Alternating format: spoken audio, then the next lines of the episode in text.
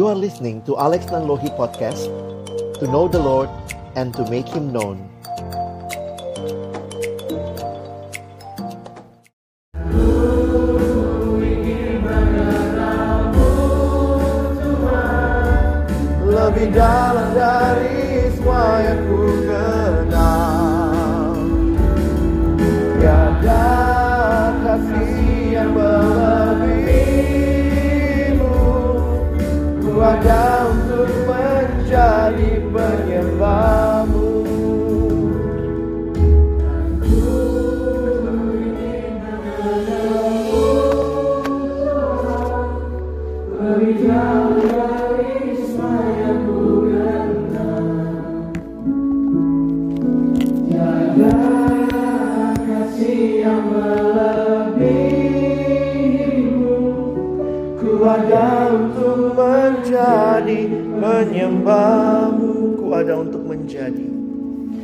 Ada untuk menjadi penyembahmu. Bapa di dalam surga Pagi ini kami datang dengan ucapan syukur. Tuhan kami ingin mengenalmu lebih dalam lagi. Sebagaimana engkau memperkenalkan dirimu kepada kami. Bukan kami yang cukup mampu mengenalmu dengan pikiran kami Tetapi karena engkau telah menyatakan dirimu kepada kami Kami bisa mengenalmu ya Tuhan. Pagi hari ini Kembali kami memohon anugerah Tuhan. Ketika kami akan kembali membuka firman-Mu ya Tuhan Bukalah juga hati kami. Jadikanlah hati kami seperti tanah yang baik Supaya ketika benih firman Tuhan ditaburkan Itu boleh sungguh-sungguh berakar Bertumbuh Dan juga berbuah nyata di dalam hidup kami. Berkati hambamu yang menyampaikan setiap kami yang mendengar. Tuhan tolonglah kami semua Agar kami bukan hanya menjadi pendengar-pendengar firman yang setia Tapi mampukan dengan kuasa dari rohmu yang kudus. Kami dimampukan menjadi pelaku-pelaku firman-Mu secara khusus di dalam masa muda kami. Bersabdalah ya Tuhan, kami sedia mendengarnya. Di dalam satu nama yang kudus, nama yang berkuasa, nama Tuhan kami Yesus Kristus. Kami menyerahkan pemberitaan firman-Mu. Amin. Shalom. Selamat pagi teman-teman sekalian. Kita bersyukur kepada Tuhan hari ini kembali boleh beribadah kepada Tuhan dan kerinduan saya pagi ini kita sama-sama boleh belajar kebenaran firman Tuhan. Mungkin ada yang pikirannya masih untuk UN yang tinggal besok satu ya. Atau mungkin juga ada yang sedang pikirannya masih di tempat tidur. Yuk kita segarkan diri kita sama-sama. Kita akan membuka satu bagian firman di dalam Lukas pasalnya yang ke-12. Koleks tulis di slide kalian bisa lihat ya Lukas 12 ayat 1 sampai dengan ayatnya yang ke-12. Lukas pasal yang ke-12 ayat 1 sampai dengan ayat yang ke-12. Kalau kalian lihat konteksnya sebentar, apa perikop sebelumnya? Judulnya apa? Yesus mengecam orang-orang Farisi dan ahli-ahli Taurat. Jadi ada orang-orang Farisi ahli Taurat yang Yesus kecam dan kemudian perhatikan judul hari ini apa? Pengajaran khusus bagi murid-murid. Jadi murid-murid itu beda dengan orang Farisi. Harus hidup berbeda. Murid-murid harus punya identitas yang berbeda. Nah, yuk kita baca sama-sama apa yang Yesus ajarkan. Kita baca bergantian. Saya mulai baca ayat pertama, kalian baca ayat kedua, kita bergantian sampai dengan ayat yang ke-12. Sementara itu beribu-ribu orang banyak telah berkerumun sehingga mereka berdesak-desakan. Lalu Yesus mulai mengajar pertama-tama kepada murid-muridnya katanya, Waspadalah terhadap ragi, yaitu kemunafikan orang Farisi. Tidak ada sesuatu pun yang tertutup yang tidak akan dibuka dan tidak ada sesuatu pun yang tersembunyi yang tidak akan diketahui. Karena itu, apa yang kamu katakan dalam gelap akan kedengaran dalam terang, dan apa yang kamu bisikkan ke telinga di dalam kamar akan diberitakan dari atas atap rumah. Aku berkata kepadamu, hai sahabat-sahabatku, janganlah kamu takut terhadap mereka yang dapat membunuh tubuh dan kemudian tidak dapat berbuat apa-apa lagi. Aku akan menunjukkan kepada kamu siapakah yang harus kamu takuti. Takutilah dia yang setelah membunuh mempunyai kuasa untuk melemparkan orang ke dalam neraka. Sesungguhnya aku berkata kepadamu, takutilah dia.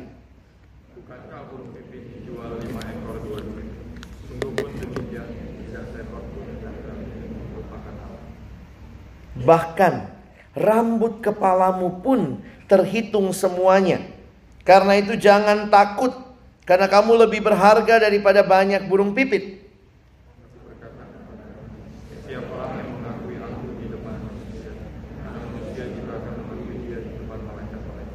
Tetapi barang siapa menyangkal aku di depan manusia, ia akan disangkal di depan malaikat-malaikat Allah. Setiap untuk melawan anak manusia, ia akan diam. Tapi barang siapa mungkin, ia tidak akan Apabila orang menghadapkan kamu kepada majelis-majelis atau kepada pemerintah-pemerintah dan penguasa-penguasa, janganlah kamu khawatir bagaimana dan apa yang harus kamu katakan untuk membela dirimu.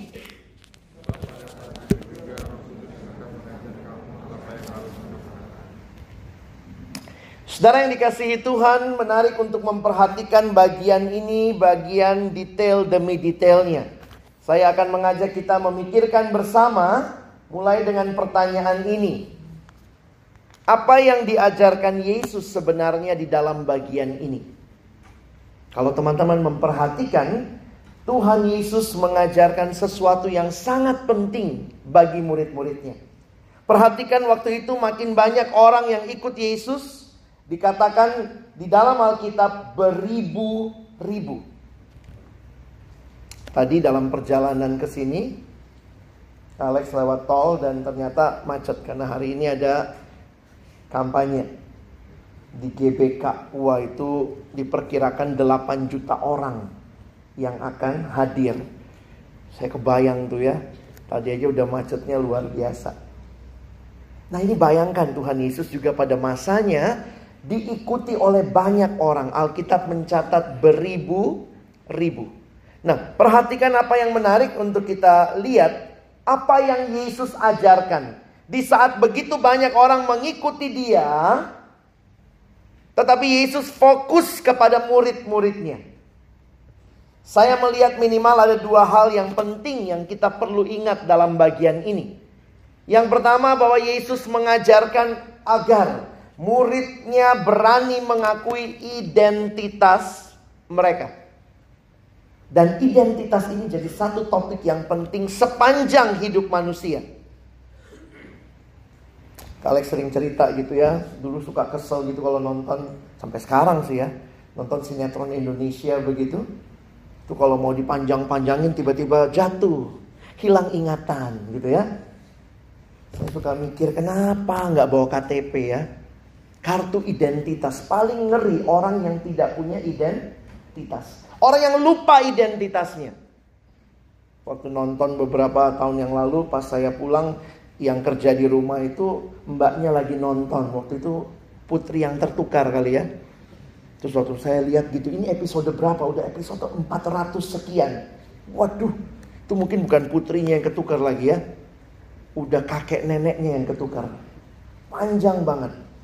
Kenapa? Karena tidak tahu identitas, lupa identitas. Penting sekali bawa kartu identitas sebenarnya gitu ya. Jadi kalau misalnya dia jatuh hilang ingatan, aku siapa? Aku siapa? Ini kau lihat. Ini identitasmu. Aku tinggal di mana? Ini alamatmu jelas di sini. Pulang sendiri kasih ongkos gocek. Kadang-kadang kita lupa identitas sebagai murid-murid Tuhan. Karena itu Tuhan Yesus ingat tadi baru bicara sama orang Farisi. Dan Yesus bilang, kamu beda. You are not like them. Tapi yang kedua, yang juga bisa kita lihat. Yesus mengajarkan muridnya berjuang untuk hidup di dalam ketaatan mutlak. Apa pun konsekuensinya. Ternyata ikut Yesus tidak selamanya mudah. Karena itu Yesus tegaskan lagi bahwa apa yang kamu ikuti it will cost you something and even to the point of death your life. Nah, teman-teman yang dikasihi Tuhan, dua hal ini sebenarnya mewarnai bacaan kita pagi ini. Nanti kita lihat sama-sama gitu ya. Identitas dan ketaatan, komitmen. Dan saya pikir ini dua hal yang termasuk sulit sekarang gitu ya. Banyak orang bilang, iya nih anak remaja sekarang sulit nggak ngerti identitas. Lalu kemudian katanya anak remaja sekarang nggak bisa komitmen. Tapi saya melihatnya harusnya berbeda. Bagi kita yang ada di dalam Kristus ini dua hal yang Tuhan Yesus ajarkan, yang Tuhan Yesus minta dari kita. Karena itu ingat baik-baik, pikirkan baik-baik, responi baik-baik. Koko lihat film, kira-kira 10 tahun terakhir saya survei kecil-kecilan karena saya senang nonton sama istri saya ya. Jadi itu film saya lihat Khususnya ya, kira-kira saya lima tahun terakhir malah lebih meningkat lagi.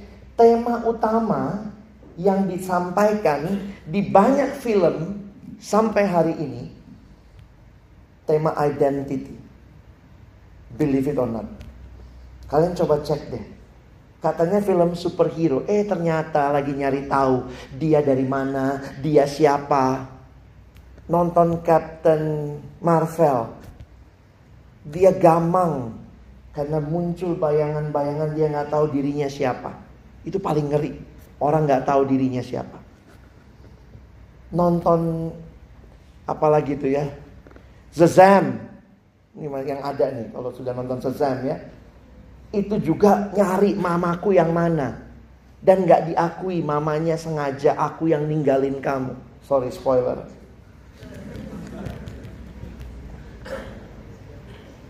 Lihat film Sutopia, kembali lagi identitas. Karena itu ada satu artikel yang saya baca, kalau saudara sedang melayani remaja saat ini, ingat topik ini yang mereka dibombardir dari berbagai sisi.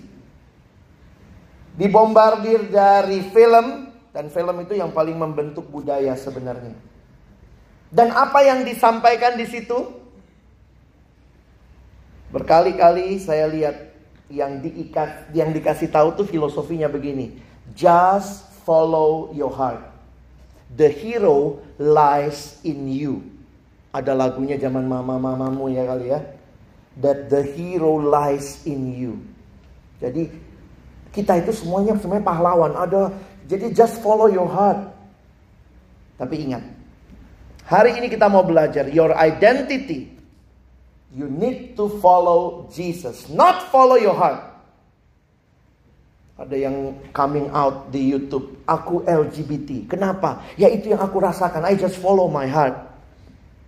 This is my identity. Gue LGBT, mau apa? Loh, harusnya kamu tahu, your identity is not following your heart, but following Jesus. Kalau ternyata bukan itu yang Tuhan mau, jangan ikutin. Jadi waktu baca bagian ini, wah Tuhan Yesus tegas banget. Mengingatkan murid-muridnya, tidak mudah untuk hidup sebagai murid Yesus di dalam dunia. Karena dunia pada saat yang sama sedang memberikan kita identitas. Seorang remaja saya tanya, kenapa kamu ngerokok? Ikut-ikutan teman. Kenapa? Iya kok. Soalnya kalau nggak ngerokok nanti nggak dibilang jantan. Hah? Lu ayam? Kok jantan? Jadi apa? Ketaatannya nggak ada karena dia mau follow identity yang salah. Kalau gue solidar sama temen ya mesti ikutan ngerokok sama mereka. Loh kalau begitu ngeri banget. Koko nggak tahu tantangan apa yang kamu hadapi. Tapi mungkin kamu sedang ditantang sebagai murid Kristus. Benar nggak murid Kristus? Saya punya teman dari latar belakang keluarga non-Kristen. Pergumulan besar, tantangannya, pergi ke gereja aja ngumpet-ngumpet. Tapi dia terus berjuang. Saya kadang-kadang kagum ya. Dia ke gereja ngumpet-ngumpet. Akhirnya dia nggak mau bohong sehingga ya udah dia bilang pergi dulu ke rumah teman. Memang benar dia ke rumah teman terus ke gereja gitu ya. Tapi saya lihat bahwa dia berjuang saudara. Sementara ada yang papa mamanya yang berjuang buat kamu ke gereja. Bangun, bangun, papa mama yang berjuang. Kamu ya elah, capek deh. Apa tantangan yang kamu hadapi untuk hidup jadi murid Kristus? Untuk taat, untuk tidak ikut-ikutan arus dunia. Tuhan Yesus mengingatkan muridnya tantangan yang dihadapi. Tuhan Yesus sangat serius. Tuhan tidak bilang sama muridnya, oh ikut aku nyantai-nyantai aja, nyaman semuanya. No. Saya memberikan warna merah untuk tantangan yang murid harus hadapi. Tetapi juga jangan lupa Tuhan yang panggil kita untuk ikut dia. Tuhan yang akan kasih kekuatan. Karena itu saya melihat ada penyertaan Tuhan. Keyakinan akan penyertaan Tuhan. Koko kasih warnanya biru.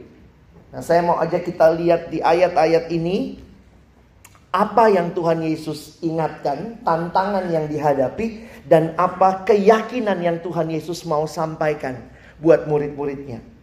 Saya pikir Tuhan Yesus tidak cuma panggil lalu udah kamu berjuang sendiri. No, He will be with us.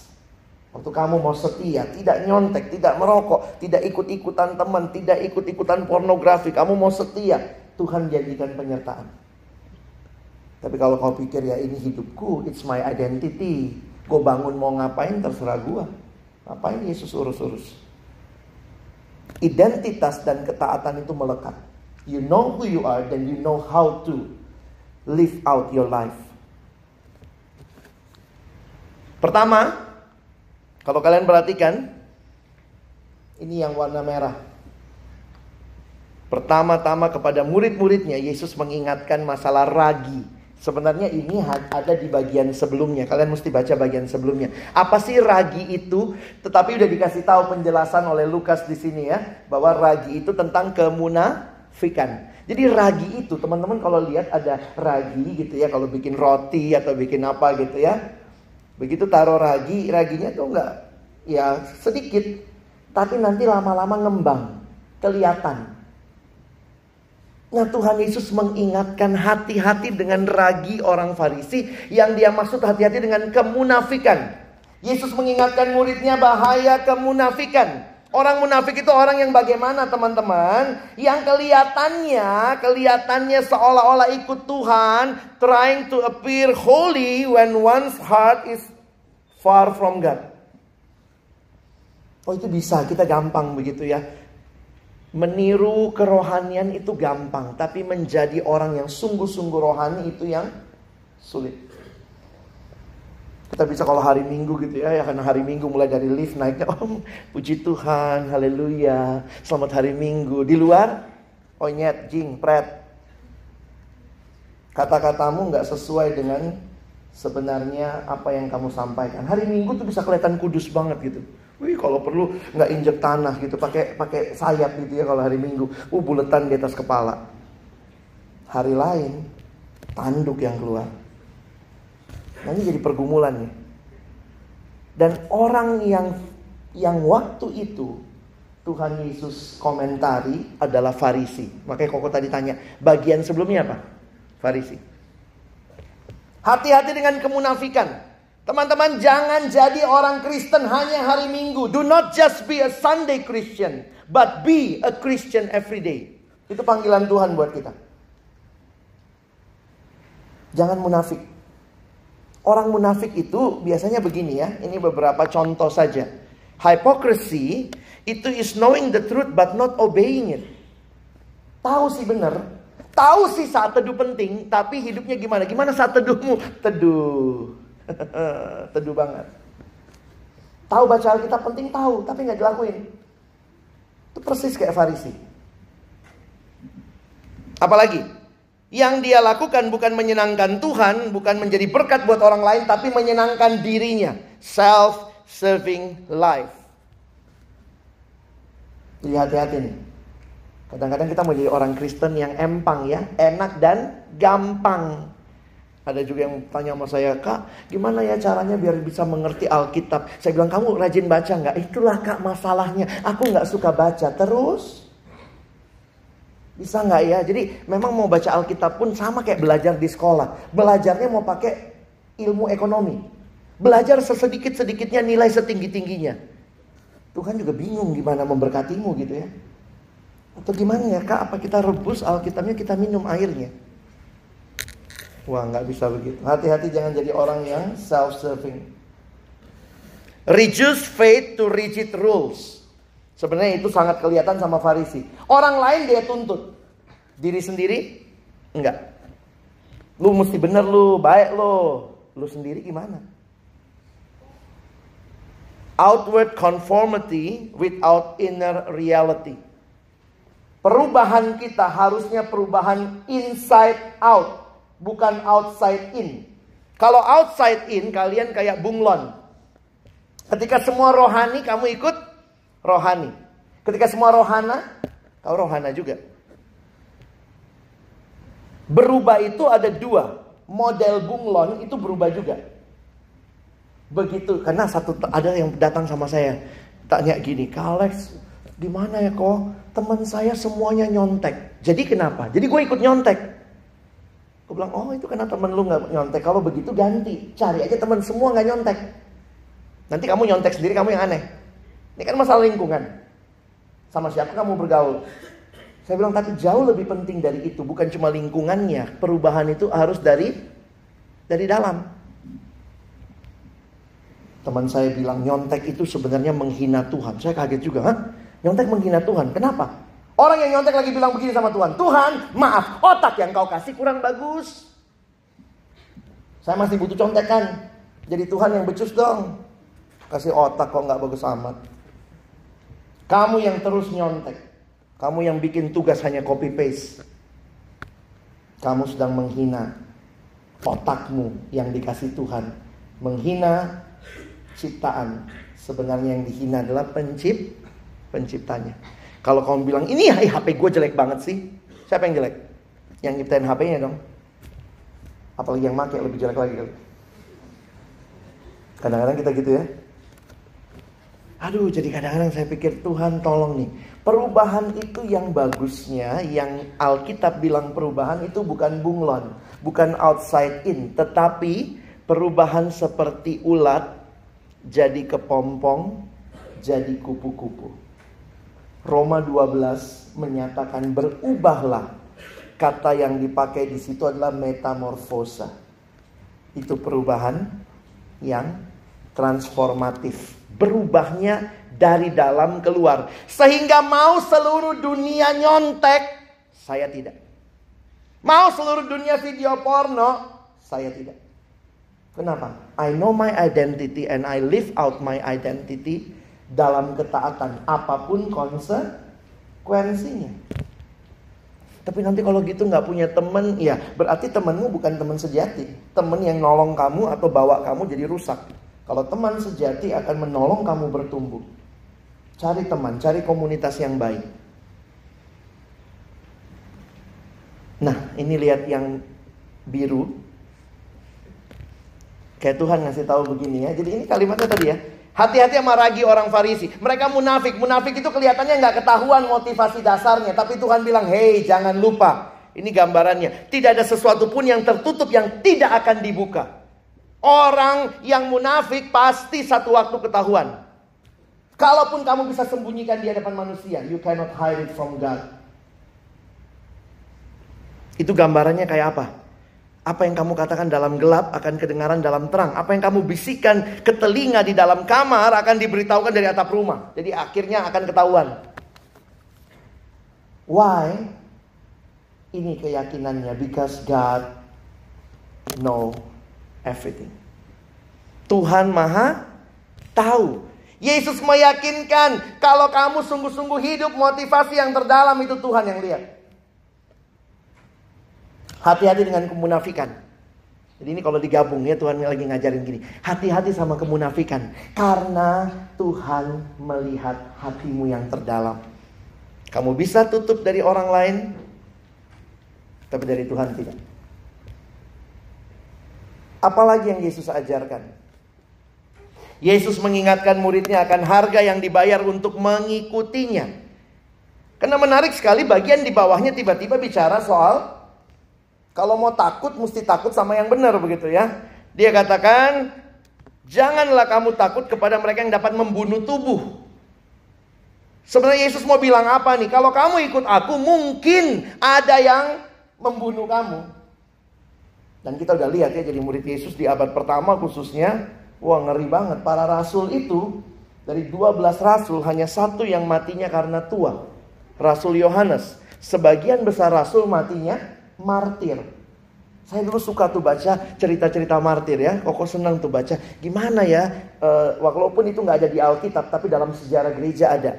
Misalnya gimana Rasul Matius mati? Dia kan nulis Injil Matius. Waktu saya baca gitu ya, Matius Tuhan pakai dia pelayanan begitu lalu dikasih tahu. Lalu dia mati karena dipaku ke tanah. Saya bilang, eh dipaku dong kok mati. Baru saya baca belakangnya. Yang dipakukan ke tanah kepalanya. Ya mati hari itu ya. Dipakukan ke tanah. Ketika Petrus mau meninggalkan kota Roma karena Kaisar Nero waktu itu membakar kota Roma. Makanya sampai sekarang kita burning CD pakai Nero. Lihat nggak tuh burning CD Nero itu gambarnya itu tembok kota lagi ngepul. Ada api. Nero membakar kota Roma, mengkambing hitamkan orang Kristen. Dan pada waktu itu orang-orang bilang kepada Rasul Petrus, keluar dari Roma, keluar selamatkan dirimu di perjalanan itu menurut cerita sejarah gereja atau fiksi dalam sejarah gereja begitu ya. Petrus berjumpa dengan seorang pria yang justru lagi jalan masuk kota Roma.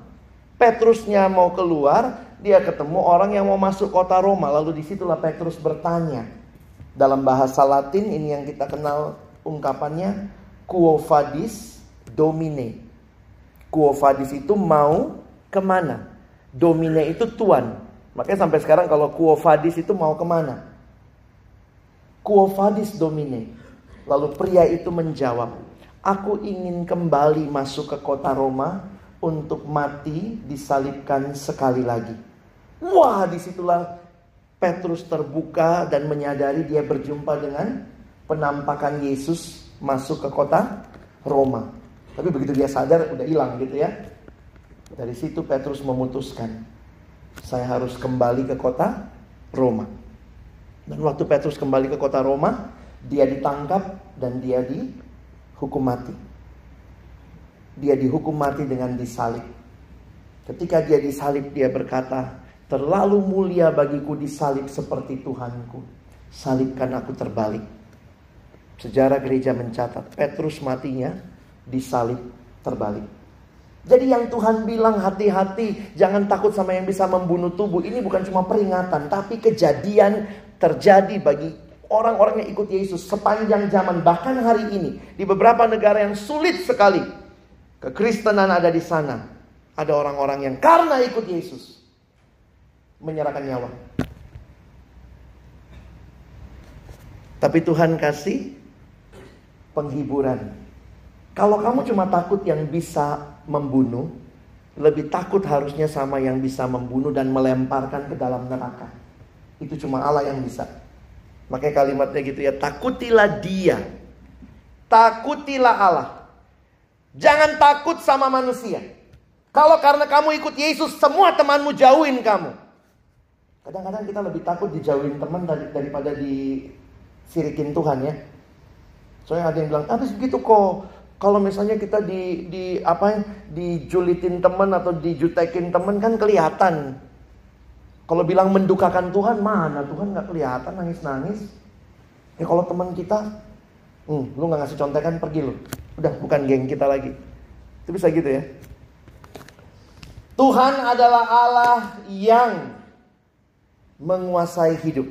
Jangan takut sama manusia.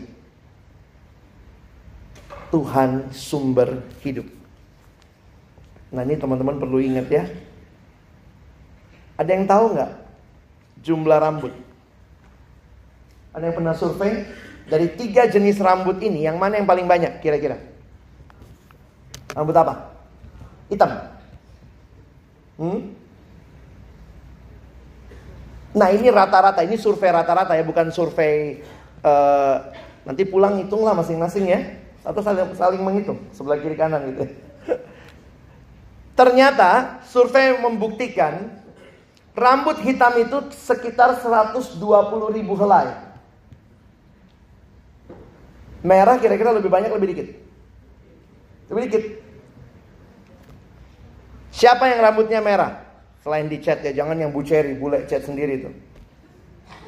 Orang-orang yang merah rambutnya ada di garis ekuator bi biasanya. Khususnya di Amerika Latin sana, itu banyak orang-orang yang berambut merah. Jumlah rambutnya 90 ribu helai. Rambut pirang Sebenarnya secara rata-rata Tuhan tuh adil ya. Rambut pirang itu karena di sana dingin, rambutnya tuh lebih banyak loh. Yang di ekuator, yang di katulistiwa begitu ya, karena saking panasnya rambutnya cukup 90 ribu ya. Kalau nggak kan, misalnya makanya orang bule ke sini kepanasan, kita ke sana kedinginan, gitu ya. Karena rambutnya aja udah nggak udah nggak matching kira-kira gitu ya. Tapi waktu hitung-hitungan rambut begini, kok mau ingatkan kita ayat ini ya. Tuhan Yesus bilang apa?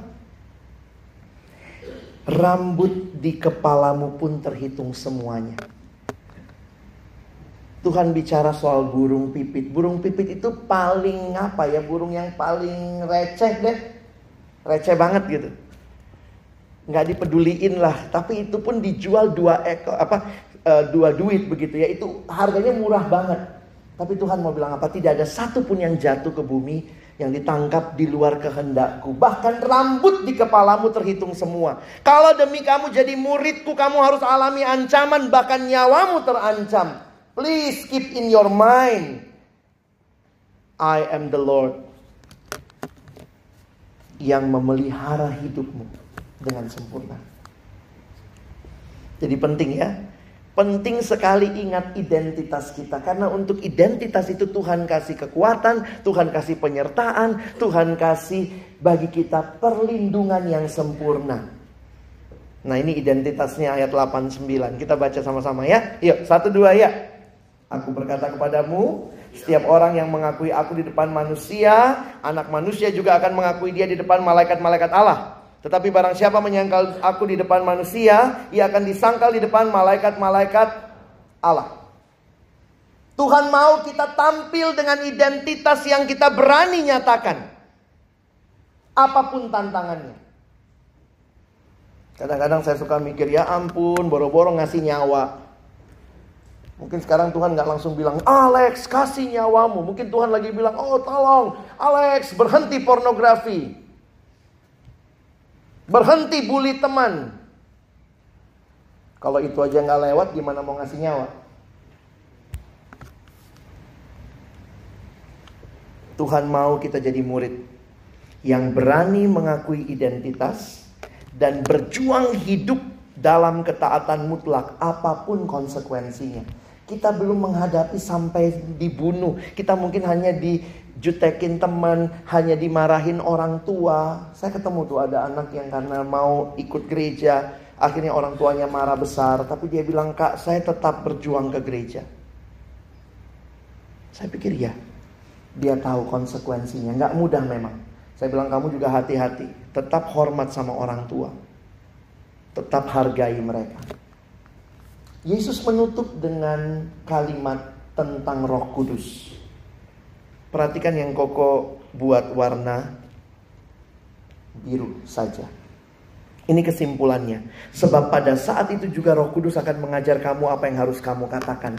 Jadi Tuhan Yesus mengatakan kalau kamu ikut aku, kamu mungkin akan ditangkap, dibawa ke depan pengadilan, majelis-majelis, penguasa-penguasa, pemerintah-pemerintah. Kadang-kadang waktu ditangkap kamu nggak tahu mau ngomong apa, tapi pada waktu itu Roh Kudus yang akan berikan kata-kata yang tepat. Sehingga Tuhan menjanjikan apa? Kuasa dan penyertaan Roh Kudus. Teman-teman hari ini kita belajar sesuatu yang menantang kita sekali lagi. Waktu dunia sedang kasih kamu identitas. Identitas untuk hidup seenaknya. Identitas untuk hidup bebas. Hari ini kita diingatkan melalui firman Tuhan. Your identity is not from the world, but from God, your creator. Dari Yesus yang mati dan bangkit bagi kita. Dan dia panggil kita. Hidupi itu. Apa pun tantangannya. Seringkali tidak mudah. Tapi ingat Tuhan janjikan. Aku maha tahu. Aku maha kuasa. Aku menyertaimu. Bahkan rambut di kepalamu pun terhitung semua. Lalu tadi pagi waktu sisiran juga kayaknya berapa rontok gitu ya. Itu indah sekali loh kalimat itu. Rambut di kepalamu terhitung. Kiranya firman Tuhan pagi ini menantang kita semua untuk hidup sebagai murid-murid Kristus. Mari kita tunduk kepala dan berdoa. Tuhan terima kasih banyak buat firman-Mu yang kembali mengingatkan kami siapakah kami di dalam Kristus. Dan bagaimana kami harus hidup kalau kami adalah murid-murid Kristus. Bukan hidup mirip dunia, makin serupa dengan dunia, tapi harusnya hidup kami makin serupa dengan Kristus. Tuhan, ini masa-masa kami alami tantangan yang tidak mudah. Identitas kami digoyahkan, digoncangkan. Bahkan sering kali kami juga kompromi ikut dunia. Hanya karena kami takut, kami malu terlihat sebagai murid Tuhan yang taat. Tapi hari ini biarlah dengan penyertaanmu, kekuatan daripadamu, kami dimampukan untuk tampil sebagai anak-anak Tuhan yang taat. Terima kasih Tuhan. Biarlah setiap kali kami kembali ingat apa yang sudah kau lakukan bagi kami. Termasuk pagi ini waktu kami menghampiri meja perjamuan Tuhan kami ingat kasihmu. Kami ingat pengorbananmu yang sudah memberikan kami hidup yang baru. Kami tidak mau lagi main-main dengan hidup yang tidak berkenan kepada Tuhan. Tolong kami boleh hidup seturut dengan kehendakmu. Di dalam nama Tuhan Yesus yang mengasihi kami, kami berdoa, kami bersyukur. Amin.